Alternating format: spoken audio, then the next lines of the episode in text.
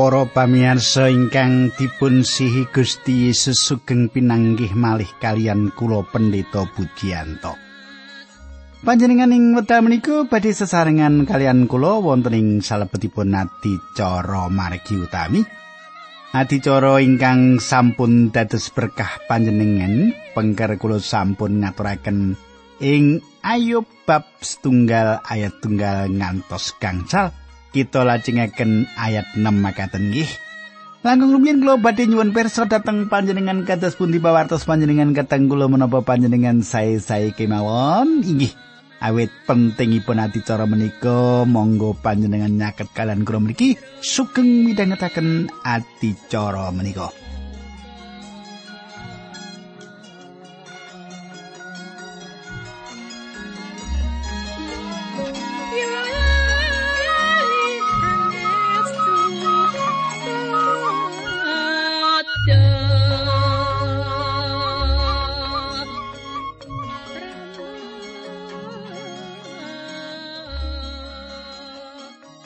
Para pamirsa menapa panjenengan tasih kemutan menapa ingkang kula aturaken tuk nalika pepanggihan kepengker? Tasih Pak. Eh, inggih. Nek murid cek kelingan apa sing diaturake kepungkur kuwi jenenge murid sing pinter nggih. Kula ringkes kemawon. Ing pepanggihan kepengker kita sampun nyemak pilih lari-lari dipun ayub saestu ngraosaken gesang ingkang sarwa indah lan sae. Nanging ing tengah-tengahipun gesang ingkang kebak kaendahan kesainan menika Ayub dados ajih. Menapa ingkang dipun adri Ayub? Lan bab menapa malih ingkang dipun pratelakaken wonten ing kitab menika kita badhe semak ing dinten menika nanging saderengipun menika monggo kita tumungkul kita ndedonga sesarengan. Duh Kanjeng Rama ing swarga kawula ngaturaken kuning panuwun menawi wekdal menika kawula saged tetunggilan malih kalian sedherek kawula lan kawula nyuwun berkah paduka wonten ing adicara menika linambaran asmanipun Gusti Yesus Kristus kawula netunggal haleluya. Amin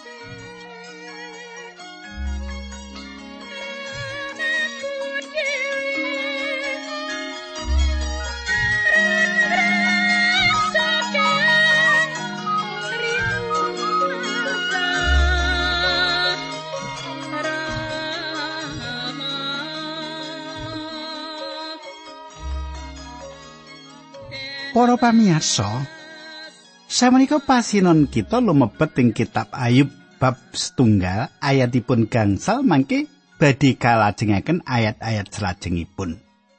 Makaten surasipun saben anak-anake bubar pesta Ayub esuke mesti tangi gasi lan nyaosake kurban kanggo anake siji-siji supaya padha diapura dening Allah sebab Ayub kuwatir yen anak-anake sadrone bunga-bunga padha gawe dosa lan tanpa dijarak padha nyenyamah marang Allah.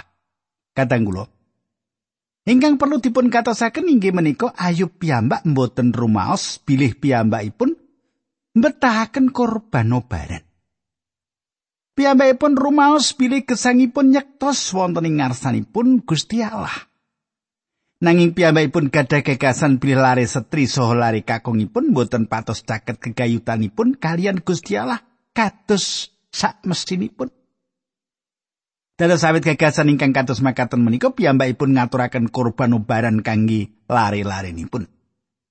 Ayub menika dados imam agung wonten ing keluarganipun piyambak. Ayub inggih menika priyantun pungkasan ingkang nindakaken kados makaten menika ingkang dipun cariyosaken menika satunggalipun cariyos ingkang saestu ngedapi-dapi.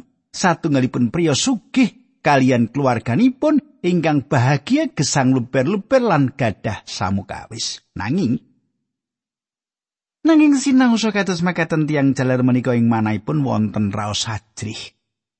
Raos hajrih ingkang kados makaten menika ugi dipun raosaken tiang-tiang ingkang gesang ing jaman samenika inggih menika ingkang wonten gegayutanipun kalian lare-larenipun. Ayub mangertos pilih piyambakipun boten saged ngawekani merantasi piyambakan awit saking menika piyambakipun sowan dumateng Gusti Allah. Kadang kula Kathah tiang sepuh ing jaman samenika rumaos sabet sangganipun gesang awit patra pelari-larinipun ingkang nilaraken griya malah saged malah saged sampun kenging narkoba. Kadhat tiyang sepuh menika ingkang boten purun sowan dumateng Gusti Allah kados ingkang dipun tindakaken Ayub akibatipun tiang-tiang sepuh menika manggul perkawisipun perkawis ingkang boten saged karampungaken. Ayub mangertos sing medal piyambakipun ajrih dateng pundi ketah mlajeng. Ayub ngaturaken kurban obaran kangge lare-larenipun. Korban obaran menika nggambaraken Sang Kristus. Ayub menika inggih menika abdi Allah ingkang dipun katingalaken wonten cariyos menika inggih menika lelampahan ingkang dumados wonten ing swarga lan menika satunggalipun tetinggalan ingkang ngidap-idapi. Kangginipun Ayub ugi tokoh sanes sing salebetipun kitab menika mboten mangertos bilih prastawa menika nate dumados. Nanging kanthi kasratipun perkawis menika badhe dados jalaran kita saged mangertos lan nafsiraken sawetawis perkawis ingkang dumados gegayutan kalian umat kagunganipun Gusti Allah. Kula mboten matur pilih menika satunggalipun katerangan ingkang wetah nanging menika saged kawastani perangan saking gambaran ingkang ageng. Samenika ayat 6 Ing sawijining dina nalika para putrane Allah padha sowan marang panjenengane setan uga teka. Kateng kula. Menika satunggalipun lampahan ingkang dumados sing swarga. Putra-putra Allah makhluk-makhluk pinter ingkang dipun cipta Gusti sowaning ngarsanipun Gusti. Kulo ketangaken bilih kula mangertos saestu sekedhik gegayutan putra-putra Allah menika, kula kinten gunggungipun para putra Allah menika saestu kathah. Sami gunggungipun wedi ingkang wonten ing pinggiring seganten ingkang ateges panjenengan lan kula mboten saged ngetang gunggungipun. Nanging ingkang dipun sepataken ing mriki inggih menika titah-titah makhluk-makhluk ingkang pinter kacipta dening Gusti Allah. Lan titah-titah utawi makhluk menika satunggalipun makhluk ingkang gadah tanggung jawab. Para titah menika saben-saben ngaturaken pelapuran dumateng Gusti Allah lan menika tugas saben dinten. inggih menika satunggalipun perkawis ingkang saged kita ajeng-ajeng. Nanging wonten ugi perkawis ingkang ngagetaken. Wonten ing kitab suci menika dipun pratelakaken ing antawisipun para titah menika si setan ugi sowan. Prastawa menika saestu menaken para pamirsa. Cobi panjenengan semak ayat pitu. Pangeran dangu marang iblis, kowe saka ngendi? Wangsulane saking miter-miter njelajahi bumi. Kadang kula, wungunipun iblis ugi kedah ngaturaken pelaporan. Menika ora nggumenaken to, manut panjenengan menapa iblis dumugi saking neraka? Mboten. Piyambakipun mboten dumugi saking mriku, ing wekdal semanten neraka dereng dipun bikak. Mboten wonten satunggal kemawon ingkang wonten neraka. Neraka mboten badhe dipun bikak saderengipun krajan sewu taun kelampaning bumi.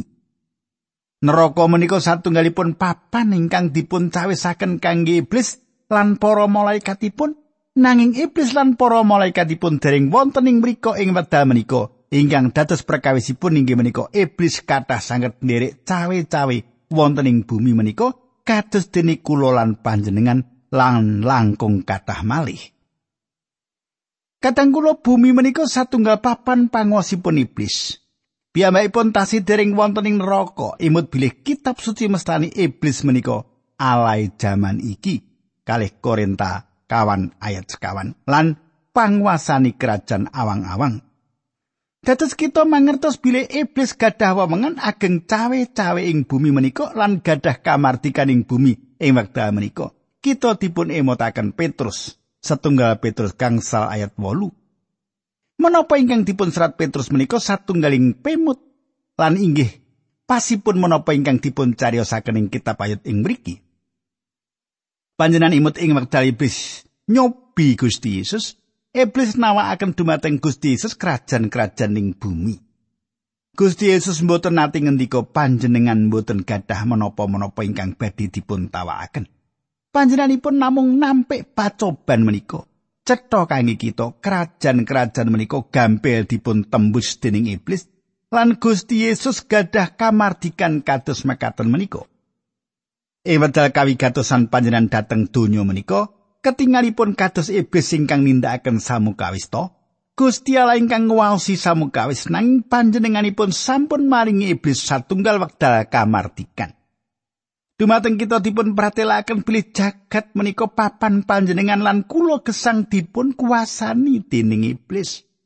Iblis mesti kemawon kedah dipun awekani lan kita namung saged ngawekani piyambakipun kalian rah cempe inggih menika satunggalipun pratelata lan menika lelawanan kalian cara mikiripun tiang modern. Ayat 8 ayub setunggal pandangune pangeran meneh. Apa kowe yo ngatekake ayub? Sak jagat ora ana wong sing mursite lan luhuring budine kaya ayub, wong sing ngabekti marang aku lan ora tau gawe piyolo. Kadang kula Gusti Allah ngendika bilih ayub menika tiang ingkang unggul. ketingalipun iblis mbudidaya saged nyepeng ayub kula gadah kesimpulan menika saking pratelanipun iblis menika ayat 9 lan sedasa unduk wangsulane iblis marang pangeran Yewah punapa tanpa pituwas ayub anggenipun ngabekti dumateng Gusti Allah Piyambakipun tuwin griya dalasan sedaya barang darbeipun punapa mboten paduka pagari kemput Punapa ingkang katindakaken sampun paduka berkahi saha barang darbeipun saya mewah wonten ing negari niku. Kadang kula. Ing mriki dipun cethaken bilih iblis mutitoyo saged nembus gesangipun ayub lan dipun panggihaken bilih iblis mboten saged nembus gesangipun ayub awit pager ingkang ngayomi ayub. Iblis matur dumateng Gusti paduka magrimu pengayub lan kula mboten saged jamah piyambakipun. Ing mriki kula pitados bilih wonten pager ingkang ngayomi saben tiang pitados sing medal menika lan kula pikir iblis mboten badhe jamah panjenengan. Kajawi Gusti Allah paring idi lan menawi Gusti Allah paring idi menika awit saking rancangan panjenenganipun inggih menika ingkang dipun wucalaken kitab menika dumateng kita. Samenika kula lajengaken ayat 11. Nanging cubi menawi bandanipun paduka pundhut sedaya Tentu piyambakipun badhe ngawon-awon paduka wonten ing ngarsa paduka. Kadang kula samenika iblis nyemprotaken racunipun dumateng ayub ing mriki kula pikir iblis ngremehaken manungsa. Iblis meratelaken bilih ayub menika tiang ingkang ngolor utawi menawi basa Indonesia penjilat Gusti Allah. Lan iblis mboten migunani kanggenipun kula lan panjenengan, iblis meratelaken kita menika tiang ingkang ngolor lan menawi Gusti Allah mundut pager menika lan samukawe saking kita kita badhe ngipati-pati Gusti Allah. Awas. Kata tiang ing jagat menika ingkang rila ngipati-pati Gusti Allah. Mboten perlu dipun tangletaken malih babagan menika. Gusti Allah dipun ipati-pati saben dinten. Ing satunggalipun dinten ing wekdal kula mlampah nglangkung satunggal bangunan wonten mandor ndandosi perangan bangunan ingkang risak. nanging piyambakipun gagal ndadosi wasana bangunan menika malah ambruk. Salajengipun mandor menika wiwit ngipati-pati Gusti Allah, kita asring mireng misuh kados menika to. Panci manungsa mboten gadah kegayutan ingkang leres kalian Gusti Allah. Kadang kula Ayub gadah pagering sakiwa tengenipun lan ing wekdal iblis manggihaken pager menika, iblis mboten saged jamah Ayub. Iblis sanjang aku kepengin nyoba Ayub. iblis sengit dumateng manungsa. Kenging menapa ing jagat menika wonten tiyang ingkang gadah kekajengan ngladosi iblis? Kula mboten mangertos awit sayektosipun iblis menika nganggep remeh dumateng kita. Kula mboten gadah kekajengan gadah majikan kados iblis. Kula gadah kekajengan majikan ingkang purun tresnani kula lan asikep sae dumateng kula lan Gusti Allah inggih menika majikan kula. Ayat 12. Gusti Allah banjur ngendika marang iblis, "Yo wis, sakai bandane Ayub arep kok kapakake sakarepmu, anger awake aja kok piloro." Sawise mengkono, iblis banjur mundur saka ing ngarsane Allah. Kadang kula Kita sinau ing mriki pilih kala-kala Gusti Allah ngidinaken iblis mundut saking kita. Perkawis-perkawis ingkang dados sendenan kita. Kula mboten mangertos. Bilih wekdal kemul rasaman kita dipun pendet. Menapa kita rumaos mboten gadah daya? Kita mboten kuwawa, kita rumaos kesasar wonten ing donya menika. Kathah. Kathah saking kita sambat dumateng Gusti Allah ing wekdal ingkang kados makaten. Panjenengan katosaken pilih Gusti Allah badhe ngitinaken iblis mendet bondo dunyanipun Ayub. Panjenengan pitados. Iblis badhe ngrisak kita menawi piyambakipun kuwowo. Iblis sampun mirangaken Gusti Allah Ayub kalian ngatingalaken pilih Gusti Allah menika mboten wonten ajinipun kangge dipun ladosi lan dipun tresnani sinaosa kangge sariranipun piyambak. Gusti Allah maringi samukawis dumateng Ayub supados Ayub tresnani panjenenganipun iblis menika mengsaipun Gusti Allah lan manungsa. Para pamirsa kita lajengaken ayat 13. Makaten surasipun. Ing sawijining dina anak-anak Ayub padha nganakake pesta ing omahe anak sing barep. Para pamirsa lare-larenipun Ayub sami abingah-bingah. Lari-lari menika anginipun ngawontenaken pesta pindah-pindah saking setunggal griya dhateng griya sanesipun pesta saben dinten. lare-lare menika saestu-estu nikmati ngraosaken kaendahan gesangipun. Ayat 18 lan gang 11. Dumadak non abdi teka marani Ayub karo matur, "Ndoro, Kulo sami dipun serang tiang seba nalika kulo sami mluku ing saben lan kulo dikul disawek sami wonten ing panginan. Kewan kan mau sami dipun rebat lan rencang-rencang panjenengan sami dipun pejahi namung kula piyambak ingkang luar mila saged suwan ngaturi pirsa dhateng panjenengan para pamirsa.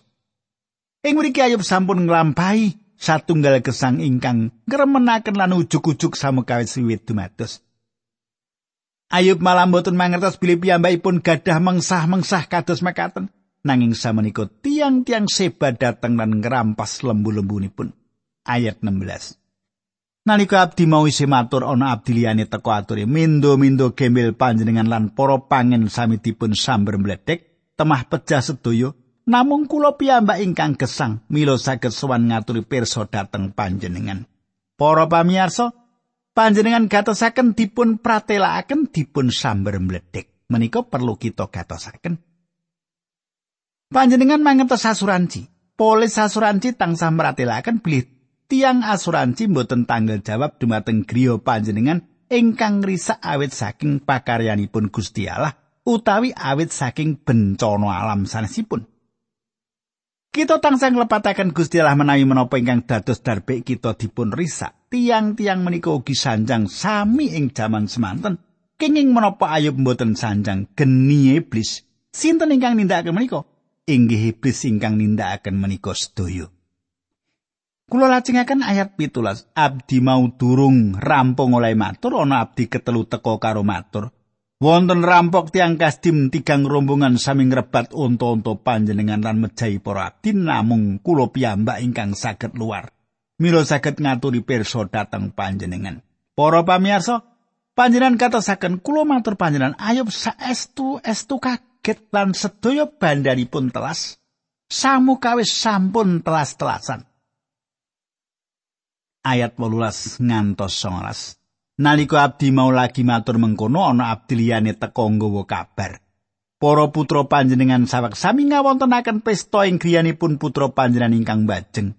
Dumadakan wonten angin lesus dateng saking seganten wedi nempuh griya ingkang dipun nangge pesta wau griyanipun lajeng rebah ngrebahi putra-putra panjenengan ngantos sami tilar donya sedaya namung kula piyambak ingkang wilujeng mila saged ngaturi pirsa dateng panjenengan. katang kula menika satunggalipun lampahan ingkang sanget mrihatosaken sedaya lari-lari dipun pecah menapa ingkang badhe panjenengan tindakaken ing salebetipun lampahan ingkang kados makaten menika? Panjenengan katosaken menapa ingkang dipun tindakaken ayub? Ayat kalih dosa ngantos 12 Ayub banjur ngadeg lan nyuwek sandengane tondo yen susah hatine sirai banjur dicukur sarta sujud ing bumi pangucape. lairku tanpa sandangan. Nggonku bakal bali mrono ya mengkono Allah sing maringi Allah sing mundut pinuji asmane pangeran. Para pamirsa, kita lajengaken ayat 22. Sajroning ngalami lelakon mau kabeh, Ayub ora nganti gawe dosa sarta ora nyepelekke marang Allah. Kadang kula menapa ingkang dipun pratelakaken menika satunggal tetinggalan gesang lan satunggal filsafat gesang ingkang dipun betahaken tiang Kristen dumateng barang-barang ingkang ketinggal. Panjenengan lan kula wonten ing jagat menika tanpa beto menapa-menapa. kita wuduh kados anak peksi ing wedal kita lahir wonten ing jagat menika. Lan kita badhe nilaraken jagat menika kanthi cara ingkang sami. Panjenengan boten saged beto menapa kimawan saking jagat menika. Inggih menika ingkang badhe dumados sing kita sedaya. Boten wonten bentenipun pinten kathah tumindak saingkang sampun panjenengan tindakaken. Utawi kados menapa kiyatipun bondo donya ingkang panjenengan simpen ing peti wesi. pinten kemawon bondo ingkang panjenengan klempakaken lan panjenengan asuransiken. Dari kita kesalan panjenengan kisah saking jagat menika, kita badhe kisah sami kados dene iwet kita dateng ing jagat menika. Butuh. gitu. Penting sangat kita nglebetaken falsafah menika ing gesang panjenengan. Panjenengan saged ugi gesang wonten ing griya ingkang larang. Utawi panjenengan manggen ing gubuk panjenengan saged kemawon gadah rekening bank ingkang gunggungipun meyatan ageng sanget utawi panjenengan mboten gadah arto babar pindah. Panjenengan kenging gadah peti wesi ingkang kebak saham utawi saged ugi panjenengan mboten gadah kotak wesi mboten wonten bentenipun sinten to panjenengan. Kita badhe nilaraken kanthi cara ingkang sami wekdal kita dumugi donya menika menapa kemawon ingkang panjenengan gadahi panjenengan namung tiang ingkang nata lan ngatur bondo donya panjenengan. Sayektosipun ing salebetipun panaliti ingkang pungkasan sejatosipun barang-barang menika mboten gadahanipun panjenengan. Inggih to? Leres to? Kadang kula. Ayub telas-telasan nanging piyambakipun tetep manembah Gusti Allah. Ayub nyuwek rasukanipun piyambakipun nyukur rambutipun lan piyambakipun nangis saking katebian Ayub sampun kecalan samukawisipun malah lari-lari jalalan istrinipun ugi. Nanging ayub sanjang Gusti ingkang paring Gusti ingkang mundut pinuji asmani Gusti. Panjenengan semak menapa kemawon ingkang panjenengan gadai Gusti ingkang paring dumateng panjenengan. Lan panjenenganipun saged mundut malih menawi panjenengan ngersakaken Gusti Allah badhe adamel panjenengan lan kula tanggal jawab kados pundi kita ngginakaken perkawis-perkawis ingkang dipun ijinaken panjenenganipun supados dados gadahan kita. Inggih menika sebabipun bilih ing salebetipun kalih Korintus Paulus nyebat kita sedaya minangka pangreksa. Tiang ingkang kewajibanipun ngreksa ngurus menapa ingkang dados gadanipun tiang sanes. Gusti Allah badhe ndangu dumateng kita kados pundi kita ngginakaken bondo kagunganipun. Samukawis sing jagat menika kagunganipun Gusti Allah lan panjenengan namung gadah hak ngginakaken ing wedal panjenengan nilaraken jagat menika panjenengan boten badhe meto bondo donya menika. Ayub mangertos perkawis menika lan piyambakipun boten kecalan keyakinanipun. Piyambakipun tasih cepengan Gusti Allah. Sajroning ngalami lakon mau kabeh, Ayub ora nganti gawe dosa sarta ora nyepelake marang Allah. Monggo kita ndedonga. Kanyoro ming swarga kawula matur nuwun kayektosan sampun kawula wedharaken. Namung Gusti piyambak ingkang berkahi menapa ingkang abdi paduka andharaken menika supados saestu saged dados kegiatan lan panglipuran sedherek-sedherek kawula. Kawula pasrahaken sedherek kawula wonten ing asta paduka linambaran asmanipun Gusti Yesus Kristus kawula ndedonga haleluya amin.